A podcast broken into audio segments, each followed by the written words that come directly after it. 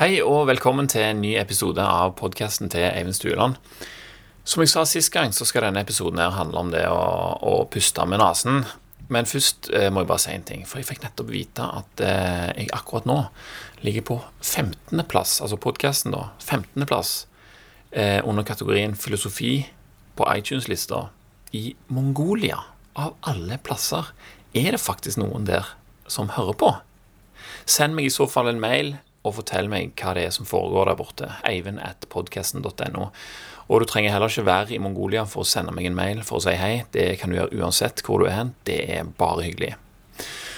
Men nå, denne her nesegreia. Dette det, det, er noe mer omfattende tema enn det jeg så for meg. Spesielt siden jeg ikke har villa at dette her skulle vært bra. Sant? Og det er fordi at jeg syns det tidvis kan være vanskelig å gjøre det. Jeg har prøvd men forkaster det så snart jeg føler at jeg ikke får nok luft. Det er skikkelig uh, ubehagelig å føle at en ikke får nok luft. Jeg vet òg at det i seg sjøl er nok til å aktivere fight or flight-responsen. Hvis du føler, føler du ikke får nok luft i deg. Og hva skjer da? Da blir du selvfølgelig stressa. Fight or flight aktiveres, og da føler du for å puste enda mer. sant? Og når det da er mulig å tilfredsstille dette her skrikende behovet for mer luft bare ved å gjøre noe så enkelt som å åpne munnen og suge til seg så mye luft du bare orker, det er veldig enkel ting å gjøre. Da blir jo terskelen veldig lav for å gjøre det òg. Sant? Iallfall for min del. Og det var derfor jeg syntes det var så deilig når Wim Hoff kom med sin oppfordring om å Just breathe! Through the mouth, through the nose, anyhow! Just breathe! Get the air inside! Vel? Endelig, tenkte jeg. Dette her var lett.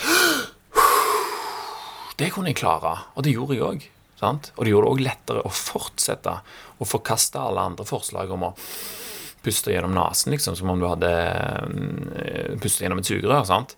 Og så var det jo da selvfølgelig masse forskjellige folk som anbefalte dette. Noen anbefalte det i forbindelse med yoga og meditasjon. Andre ved fysisk fostring, liksom når du går tur og sånne ting. Og, og noen sa liksom Ja, du bare løper rolig nok til at du puster med nesen. sant? Ok, 0,5 km i timen da, eller hva? Eh, og så var det dette her, noen snakket om nitrogenoksid, sant. Eh, høres ikke det veldig sånn eh, dynamittaktig ut? Det kan vel ikke være helt bra? Og det var jo faktisk akkurat det Alfred Nobel sjøl tenkte når han takka nei til nitrogenoksid for å senke sitt blodtrykk. Og han døde av blødning i hjernen. Blødning i hjernen. sant? Om det hadde noe med det å gjøre, det vet jeg ikke helt. Men sant? det høres litt sånn uh, farlig ut. Det er jo nitroglyserin som er det eksplosive innholdet i dynamitt. Sånn, så det ligner litt mye. Men det viser seg at uh, nitrogenoksid har faktisk veldig mye å si for hvordan det her virker i, i, i kroppen. Jeg er ikke sikker at vi skal ta akkurat det i dag, men vi kommer gjerne til det seinere. Uansett så er denne følelsen av å puste gjennom et sugerør Uh, den gjør det enkelt å favorisere den metoden til Wim Hof. Sant vel? Den eneste gangen det virkelig føltes godt å puste med nesen for min del, det var enten når jeg fasta, eller når jeg brukte nesespray. Og på et tidspunkt så var jeg faktisk veldig avhengig av nesespray. I ca. seks måneder så kunne ikke jeg gjøre noen ting jeg, uten at jeg hadde en liten sprayflaske lett tilgjengelig. Og det å klippe opp en nesesprayflaske for å hente ut den der siste dråpen som av fysiske årsaker ikke kom seg gjennom eh, den der dysa eh, Når han er liksom tom, så ser du det er en dråpe igjen der. Så bare sånn hvordan?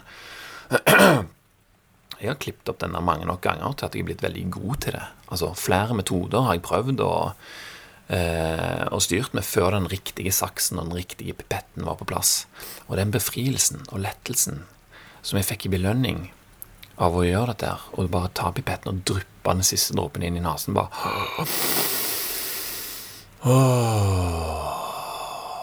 Den herlige følelsen. Den gjorde at skammen av denne avhengigheten den, den havna langt bakevja, for å si det sånn. Men en dag så ble det nok, og jeg tror faktisk jeg lagde en episode av det òg for et par år siden. Og etter den gangen så har det kommet seg, heldigvis siden jeg senere har lest at dette her slettes ikke er sikkert at, uh, at man i det hele tatt kan gjenopprette full nesepustingsfunksjonalitet hvis en har vært avhengig av nesespray en sånn. Heldigvis så har jeg hatt lettere for å puste med nesen etter dette her, men det er stort sett bare når jeg slapper av. Med en gang det er snakk om å øke pulsen av noe slag, og, og følelsen av at uh, jeg ikke får nok luft inn med de to små hullene jeg har i nesen, så åpnes kjeften opp. Sånn vel. Bortsett fra når jeg som sagt faster. For det er en av de herligste tingene med å faste. Da kan jeg bare legge meg ned på senga om kvelden og kjenne at det strømmer luft helt fritt og uanstrengt gjennom nesen, som om jeg har et par sånn firetoms fra nesen som går direkte opp i hjernen og supplerer den med rikelige mengder oksygen. Så det ga jo veldig mersmak, da. Og det er jo noe av det samme som skjer når jeg er i ketose, som jeg stort sett har vært i siden den gangen for to år siden. Hvor lett det er å puste med nesen, har tett sammenheng med når jeg spiser, og hva jeg spiser. Men mer enn det har jeg ikke lagt i det. Ikke før broren min, som til tross for sin livslange tro på at han hadde lese- og skrivevansker, begynte å lese bøker i vinter, og så tok han helt av i koronatida. Han var en av de som leste alle bøkene i huset, framfor å se alt som fantes på Netflix. Da når verden lukker seg, og, og vi blir nødt til å forholde oss til oss sjøl, eller eh, forholde oss mer til oss sjøl, eller bedøve oss enda mer enn det vi allerede gjorde. Så en av de bøkene som han leste, det var da The, The Oxygen Advantage av en kar som heter Patrick McKeown. McKeown. Eh, en kar fra Irland, dette her. Og han hadde uh, Han hadde jo astma og sånne greier, og han utvikla dette pustegreiene for å ordne sitt eget problem. Og uh, han klarte det, og nå driver han og hjelper tusenvis av andre folk med dette. Og han studerte hos en russisk forsker som fant ut veldig mye i forbindelse med dette her. Og grunnen til at han fant ut veldig mye ting i forbindelse med dette her, det var fordi at han eh, ville finne ut Eller hans oppdrag da, det var å, å finne en metode som gjorde at, eh, at astronautene kunne benytte seg bedre av oksygenen som de tok med seg opp der. Sant? Fordi, for de så er det jo en fordel å ikke bruke for mye oksygen. Og han her studerte på dette her og fant ut massevis av teknikker som gjorde at vi mennesker da kan utnytte oksygen vi har tilgjengelig på en mye bedre måte. Så han studerte hos han, og videreført liksom eh, Han kurser massevis av folk, og har, det er folk over hele verden som kan disse teknikkene nå pga. han Patrick McCown. McCown. Uh, og broren min han kunne fortelle at han hadde både vært ute og løpt og bare pusta med nesen, og at han hadde begynt å teipe igjen munnen sin med sånn plasterteip før han la seg om kvelden, og at det var ganske digg. Fasiken, altså, tenkte jeg. Jeg fikk først og fremst klaustrofobi bare med tanken, sant? samtidig som jeg visste at jeg ikke lenger kunne forkaste dette med nesepusting. Det var ikke bare yoger og folk med sære vaner, sånn som jeg sjøl er fra tid til annen, som anbefalte dette her. Det var min egen bror, og det kunne rett og slett ikke ignoreres lenger. Jeg visste at jeg måtte gjøre en innsats, og etter noen ukers trening, og ikke minst en eh, dypere forståelse av forskjellen mellom puste med munnen og nesen, så vil jeg si at jeg er 100% konvertert. Iallfall eh, mentalt. altså Jeg holder på å øve meg. Jeg, er ikke så veldig flink ennå at jeg kan springe maraton liksom, i 15 km i timen og puste med nesen. Men jeg har begynt. Og ikke bare puster jeg med nesen når, når, jeg løper, rolig til å begynne med, vel å merke, men jeg har òg begynt å teipe igjen kjeften min før jeg legger meg. Og bare én gang så reiv jeg den av i panikk og bare liksom, Jeg fikk helt sånn klaus. Men etter hvert så er det blitt helt naturlig, og det er ganske fornøyelig å våkne om morgenen uten å være helt dehydrert. For det er en av tingene som skjer. Og vi kan jo starte med det. Nesen er ikke bare den delen av ansiktet som stikker seg fram ganske så midt i ansiktet. Den har et ganske stort volum òg inne i ansiktet vårt. Og det er ikke uten grunn. For når vi puster med nesen, så kanaliseres luft gjennom et ganske heftig system som fører til flere fordeler. Luften blir tilført fuktighet der inne, og temperaturen justeres sånn at den kommer nærmere kroppstemperaturen. På denne måten så er jo da luften passe fuktig og har passe temperatur når den entrer lungene. Det er ikke bare sånn at det går gjennom et svært hull inni der. Det er masse sånne svirvle greier. Det er masse sånn kanaler og greier som liksom lufta går igjennom for å oppnå denne effekten her. Eh, og det er veldig stor forskjell på det, om, om du puster på nesen eller munnen med tanke på fuktigheten eh, pga. dette her. da. Og det blir òg rensa på veien ned eh, inn i nesen. her når du suger inn med nesen, så blir han rensa for bakterier, virus, støv og partikler som da ikke har like enkelt for å komme inn i lungene. Og så tilføres det nitrogenoksid til lufta, som òg kommer inn i, lungene. Men det skal vi ta senere.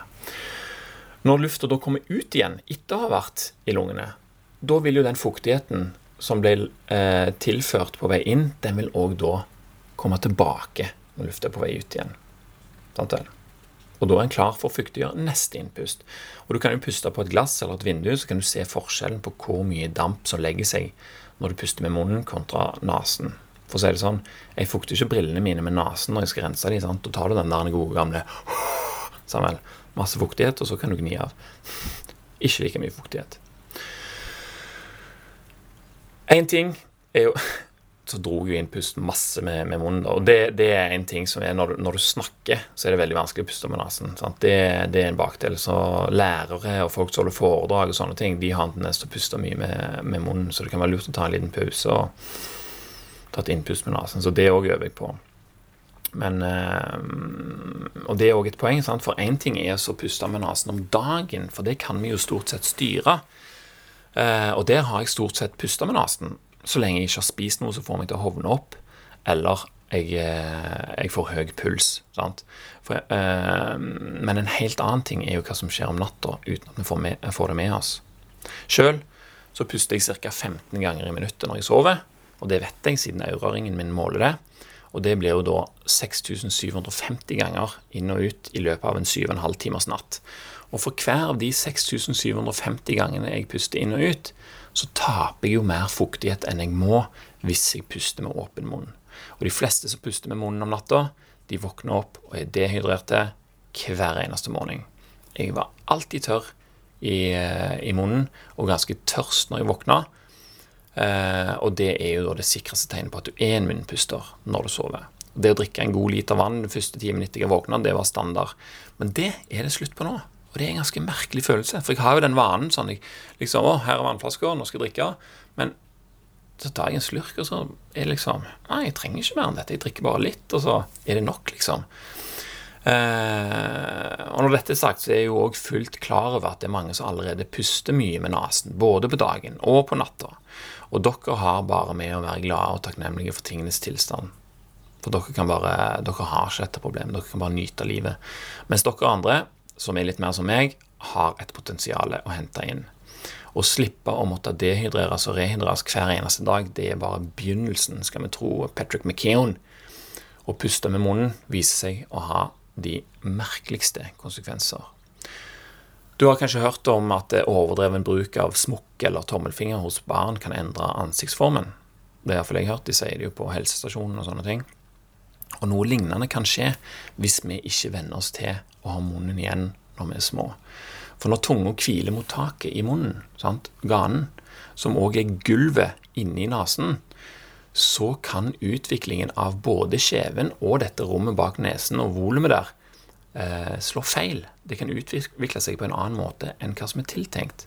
Selv om tunga er myk, så er den med på å forme området som man er i nærheten av. Og når haka henger ned, så er det et helt annet trykk der, og musklene blir brukt på en helt annen måte enn når munnen er igjen og tunga hviler opp mot, eh, mot ganen der.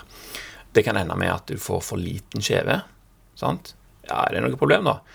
Tenk deg om. Hvis du har for liten kjeve, så vil jo fremdeles genene våre ha alle tennene våre inn igjen. Sant? Og det betyr at det kan bli trangt, og det problemet må oftest løses med regulering og trekking av visdomstenner og sånne ting. Det er, ikke, det er ikke sikkert at det er eneste grunnen til at folk trenger regulering, men det er iallfall én av de. Men hva kan årsaken være? Hvorfor begynner vi i det hele tatt å puste med munnen, når det er så stor fordel å puste med en godt evolusjonært tilpassa nese, som har en rekke nyttige funksjoner som fuktighet og temperatur, og at den renser lufta for oss? Som vanlig er det den moderne livsstilen og vår tendens til å utvikle Nei, vår tendens til å uvitende plassere oss i en tilstand av evolusjonær mismatch. Det er det som gjelder. Patrick McKeown han forteller om denne anerkjente tannlegen dr. Weston Price, han som reiste rundt i hele verden på 1930-tallet og undersøkte årsaken til endra ansiktsform og, og skjeve tenner i diverse land og sivilisasjoner. Hvis du har vært innom paleo og sånn eh, eh, liksom sånn gammeldags matgreier og sånne ting, så har du sikkert hørt om han eh, dr. Weston Price. Da. Han var banebryter, gjorde banebrytende eh, forskning på, på, dette her tidlig. Og han var innom alt fra stillehavsøyer til bygdesamfunn langt oppe i Alpene. Alle sammen ble undersøkt, hva de spiste, og hvordan de så ut, og hvordan de fungerte, hvordan helse de var. Og så ble det jo selvfølgelig sammenligna med byasser rundt omkring i verden.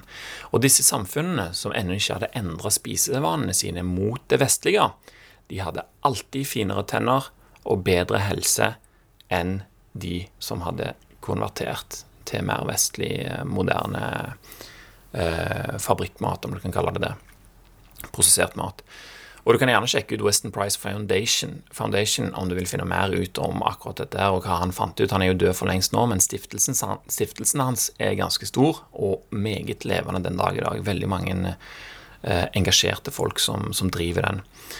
Eh, og en av de tingene som han sa, det var at tennene det er jo den eneste synlige delen av skjelettet.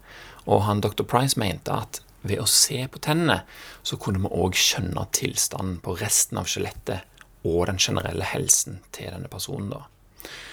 Eh, og det som gikk igjen, det var at mennesker som levde uten tilgang til moderne mat, med mye sukker og lite næring, hadde flotte, tenner og ganske så utmerka helse i forhold til de som bodde i byen. Selvfølgelig var jo dette her litt her og litt der. Eh, noen, det er jo alltid noen her og noen der som er bedre eller dårligere, men det var det som gikk igjen på det jevne. Eh, og ved ett tilfelle så fulgte han da utviklingen på en gruppe mennesker som levde på hybridene utenfor Skottland. De pleide å spise god gammeldags eh, kost som besto mye av eh, sjømat og havre og sånne gode gamle ting. Men etter hvert som de gikk over til mer sånn engelske kaker og hvittbrød, hermetikk, syltetøy og juice og sånne ting, så begynte altså flere av ungene å puste med munnen, som igjen førte til at eh, de kunne få endra ansiktsform og skeive tenner. Maten, som nå inneholdt langt flere karbohydrater og langt mindre fiber og næringsstoffer, krevde altså mer av kroppen øh, å prosesseres. Sant? Det er mer arbeid for kroppen å gjøre noe med den typen mat enn med annen type mat, som en fisk f.eks. Eh, og kostnaden ved å få denne maten gjennom systemet, eh, den gjør at vi òg har et større behov for oksygen. Sant? Hvis prosessen er akselerert, trenger vi mer oksygen, og da får du òg en større trang til å puste. I tillegg så vil jo den typen mat òg kanskje hovne opp i nesen, som gjør at det blir enda vanskeligere å puste med nesen. Og hva gjør du når det er vanskelig å puste med nesen? Da er det enkelt å bare åpne munnen og begynne å puste med den uten at du tenker noe særlig mye mer over det. Men da risikerer du òg altså at disse her andre tingene renner på. Uh, og dette kan du kjenne hvis du har eh, gått i fella en dag og spist noe junkfood. Så kan du kjenne det at du hovner opp i nesen, pulsen stiger, du blir litt sånn hoven og sånn. Veldig krevende for kroppen. Du trenger mer oksygen. Plutselig ligger du der og ser på TV og puster med nesen. Nei, munnen, mener jeg, istedenfor å Jeg syns jeg er blitt god. Jeg synes jeg er blitt god. Men det er ikke det eneste. Når vi puster med munnen, så risikerer vi òg å puste for mye. Og det er her jeg sleit litt. Puste for mye. Jeg har alltid tenkt at det, dette er en av de tingene som jeg er god på, liksom. Pust mye, liksom. Og jeg var jo trener på CrossFit, eh, drev CrossFit Haugesund før. Og det var alltid liksom pust, pust, pust. Sånn vel. Det var det vi snakket om. Og da var jo Wim Hoff òg eh, akkurat eh, begynt med det. sant? Og, men nei da. Bordeffekten er det noe som heter. Og nå skal jeg prøve meg på å forklare dette her kort og godt. Jeg har lest det flere ganger nå, så jeg håper at jeg klarer å formidle det på en forståelig måte. Bohr, som er faren til faktisk den nobelprisvinnende fysikeren Bohr, og som fant dette her ut, han sa det sjøl på denne måten her. Karbondioksidtrykket i blodet er å anse som en viktig faktor når det kommer til den indre omsetning av næringsstoffer i kroppen. Hvis man bruker karbondioksid i passelige mengder, så vil man kunne utnytte oksygenet som blir tatt inn, på en mer effektiv måte i hele kroppen. Og som de sier i store medisinske leksikon, boreffekten er navnet på økningen av oksygenfrigjøring fra hemoglobin som skjer i de små blodårene, altså mikrosirkulasjonen. Og effekten den skyldes at blodet blir surere når karbondioksid som produseres i vevet, tas opp i blodet. Var du med på den? Når blodet blir surere av mer CO2, slipper hemoglobinet mer oksygen, som da kan få komme inn i cellene og være med på forbrenningsprosessen. Hvis det er lite CO2 til stede i blodet, så vil ikke hemoglobinet slippe oksygenet like enkelt som når det er mer. Blodet er til enhver tid 95-99 metta med oksygen. Det var han. Og om vi puster mer, så vil det jo aldri bli 105% oksygen i blodet. På samme måte som vi aldri kan få mer vann i et glass som er fullt. Men hvis vi heller litt vann ut av glasset, sånn, bitte grann, 1-5 så vil det jo bli mulig å helle mer oppi, fram til det er fullt igjen. Og, og, det er sånn det skjer. sant? Litt ut, litt inn, litt ut, litt inn. Dette skjer hele tida. Sånn at blodet alltid er metta med disse her eh, 95-99% Og de der 1-5% som da ikke er metta, det er jo det som nettopp er sluppet inn i cellene, og som ikke ennå har, ruk, eh, har rukket å bli erstatta med nytt oksygen. Sant? Hele tida skjer dette her. Holder vi pusten eh, litt, grann, så vil fremdeles blodet være eh, metta en stund, fordi at da slippes det oksygen fra andre steder i kroppen, bl.a. milten. Jæklig sprøtt, jeg visste aldri det. Eh, og det fungerer som en buffer da, eh, en liten stund frem til det kommer mer oksygen fra lungene. Sånn at blodet hele veien er metta. Og siden vi ikke kan fylle blodet med mer enn Hæ, hva er det så her? Ja, siden vi ikke kan fylle opp blodet med mer eh, oksygen enn vi kan, så vil jo det si at opptil 75% av oksygenet som vi puster inn, det kommer jo ut igjen, sammen, for det er fullt. Uh, og det er jo typisk når vi slapper av, da, så er det 75% men når vi driver hard fysisk trening som krever mer oksygen, så vil vi òg uh, Da vil vi bruke mer oksygen, men fremdeles vil vi puste ut opptil 25% av oksygenet som vi drar inn. Oksygenet brukes i cellene for å brenne fett og karbohydrater, sånn at det kan bli lagt energi. Og eksosen fra denne prosessen, om du vil, i cellene våre, det er det som er CO2. Og på samme måte som oksygen fraktes til cellene via blodet fra lungene, så vil CO2 fra denne kontinuerlige forbrenningsprosessen fraktes ut i blodet og føres tilbake til lungene, der det pustes ut. Altså, oksygen kommer inn i lungene, blodet tar til seg akkurat så mye oksygen det trenger for å holde seg på 95-99% metting, Resten pustes ut sammen med CO2-en som produseres fra forbrenningen. Sammen. Men det er her det begynner. Det er ikke i blodet oksygenet gjør nytte for seg. Sant? Det er når det kommer inn i cellene. Så selv om det er fullt av oksygen i blodet, så vil ikke det si at cellene kan benytte seg av det. For det er ikke behovet for oksygen som styrer hvor mye oksygen som slipper inn i cellene og kan brukes til å skape energi det er, som boreffekten sa, hvor mye CO2 det er i blodet. Er det lite CO2 i blodet, slippes lite oksygen fra hemoglobiner inn i cellene. Når det blir mer CO2 i blodet, når blodet blir surere pga. høyere CO2, øker boreffekten, og hemoglobin slipper mer oksygen fra blodet, sånn at det kan komme inn i cellene. Så hvis jeg da har for vane å puste for mye, så har ikke det noe å si for oksygeninnholdet i blodet, men det vil si at jeg hele tiden puster ut CO2, og at det hele tiden er lite CO2 igjen i blodet. Og Det fører til at lite oksygen òg slipper inn i cellene, til tross for at jeg suger mye oksygen inn i lungene, og at blodet er 95-99% metta. Sant? Oksygenet er der, men det slipper ikke like enkelt inn i cellene når CO2-nivået i blodet er lavt. Ikke nok med det men det er òg mengden CO2 i blodet som bestemmer om vi får en trang til å puste eller ikke. Mer CO2, større, til puste, eh, større trang til å puste. Hvis vi blir vant til å ha lite CO2 i blodet, så vil sensitiviteten vår gå opp. Sant? Da skal det ikke så mye oppbygging av CO2 til før vi får et behov for å puste. Sant? Hvis du holder pusten nå, etter du har pusta ut, sant? og holder pusten, så vil det ta noen sekunder før du kjenner at musklene i halsen og brystet begynner å bevege seg for å få deg til å puste. Det er ikke fordi du mangler oksygen ennå. Det er fordi at det bygger seg opp CO2 i blodet. For cellene brenner jo hele veien, og så spytter de ut CO2 i blodet. Og når det blir surere, så får trang til å puste. Så når vi puster mye, slipper vi ut for mye CO2, og vi blir vant til at det er lite igjen.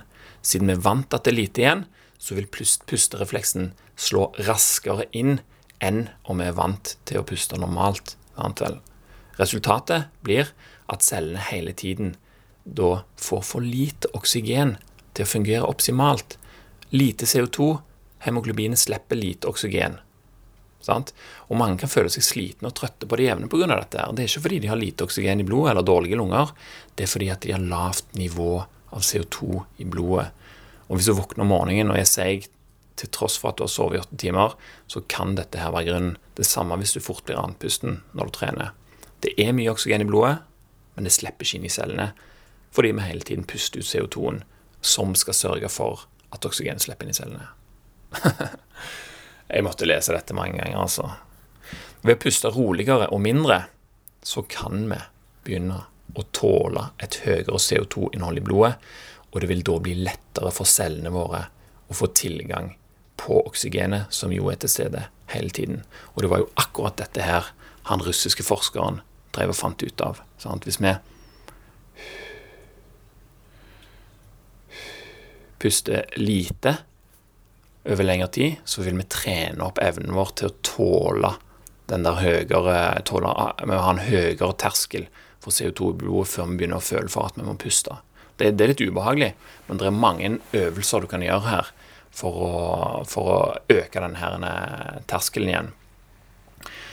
Så dette her er definitivt noe å tenke på, eh, og det er ganske mye mer om dette. Jeg vet ikke, kanskje jeg kommer til å lage en episode til og, og snakke litt mer. Jeg har jo fremdeles ikke fortalt om oksygenoksid, nei, nitrogenoksid og sånne ting. Men i alle fall så vil jeg at uh, du skal høre om For det fins en test for å finne ut hvor god du er til å, å benytte deg av oksygen som finnes i kroppen din. Og den testen heter The Body Oxygen Level Test. Uh, forkortelse BOLT. Og du vet når jeg sa at eh, når du puster ut, og så går det noen sekunder før du får den der eh, trangen til å puste Akkurat fra du har pusta ut, til du får de første eh, refleksene om å puste inn igjen, akkurat den tida der, den indikerer hvor godt du tåler at CO2-en stiger. sant? Og hvis det er bare ti sekunder, så er det veldig dårlig da har du veldig lav toleranse for CO2, og det vil òg si at du vanligvis puster inn fortere enn eh, Eller før du trenger. Eh, og det vil òg si da at du opprettholder det lave innholdet av CO2 i blodet. Og det vil òg da si at hemoglobinet holder mer på oksygen. Du får, cellene får ikke tilgang på så mye oksygen som, eh, som du kan bruke da, hvis du hadde fått tilgang eh, til det. Så du puster vanlig. Du må være ganske avslappa her, så du skal være avslappet, puste vanlig avslappa i ti minutter, helst med nesen. Og så der. Og så når du skal ta denne testen, så tar du et lite innpust. Så slipper du ut. Der starter du klokka, og så lar du den gå fram til du kjenner den første distinkte trangen til å puste. Sant? Og her må du være ærlig med deg sjøl. Noe som jeg sleit med, for jeg hadde ikke lyst på noen dårlige score, men det var det jeg hadde jeg hadde liksom sånn 13 og 15 og 18 sekunder, som er ganske lavt. Og det har jo selvfølgelig med å gjøre at jeg eh, puster for mye. Samuel. Eh, for en skal klare rundt 25 sekunder for å være noenlunde her. Da er du liksom, ok, da er du i ok form. Og hvis du kommer deg opp mot 40 eller mer, da er du liksom en skikkelig effektiv eh, forbruker av oksygen. Da har cellene dine god tilgang til oksygen fra blodet ditt hele veien. Og det er jo det vi ønsker. Samuel. Jeg fant ut at jeg har mye å gå på, og jeg øver meg hele veien så sant jeg kan. Jeg gjør denne her øvelsen her at, eh, at jeg eh,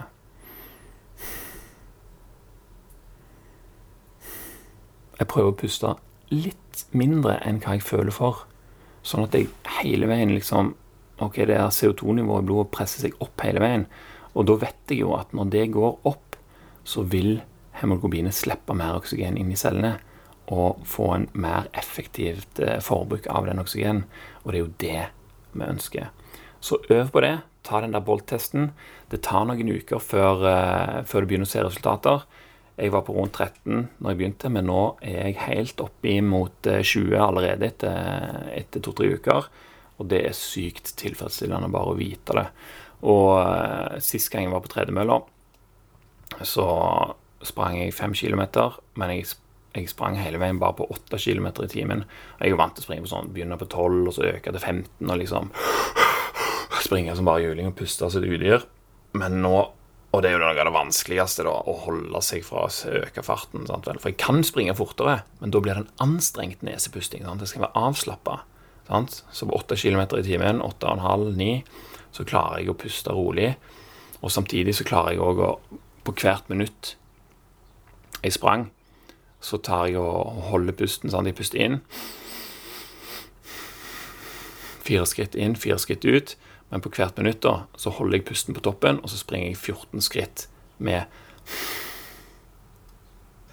etter jeg har pustet ut, sånn at det bygger seg opp CO2. Og det er én måte å trene på. Den er ikke så den er, dum. Egentlig sier han eh, Patrick McKeown at du ikke skal gjøre det før du har en ganske god, eh, god sånn boltscore, men jeg klarte ikke å holde meg. Uh, men jeg øver iallfall. Og hvis jeg sitter i bil, i alle fall da prøver jeg å puste så normalt som mulig, eller så rolig som mulig, sånn at jeg har liksom høyere gjør, gjør kroppen min, gjør hjernen min vant med at han skal tåle at det er mer CO2 i blodet. Yes, det var dagens rant om nesepusting. Så får vi se om vi skal lage en ny episode. Eh, jeg har begynt å lese en bok som heter The Circadian Code av Sachin Panda, og den er helt sinnssyk, så jeg kommer nok til å lage noen episoder om det òg. For det, skal, det forandrer ganske mye. Så det kan være at jeg vil eh, heller skrive litt om det, for det er kjekkest å skrive om det akkurat når du holder på å lære om det. Men det får vi se når det er over for i dag. Takk for nå, og takk for meg, og takk til deg som hørte på. Vi snakkes neste gang.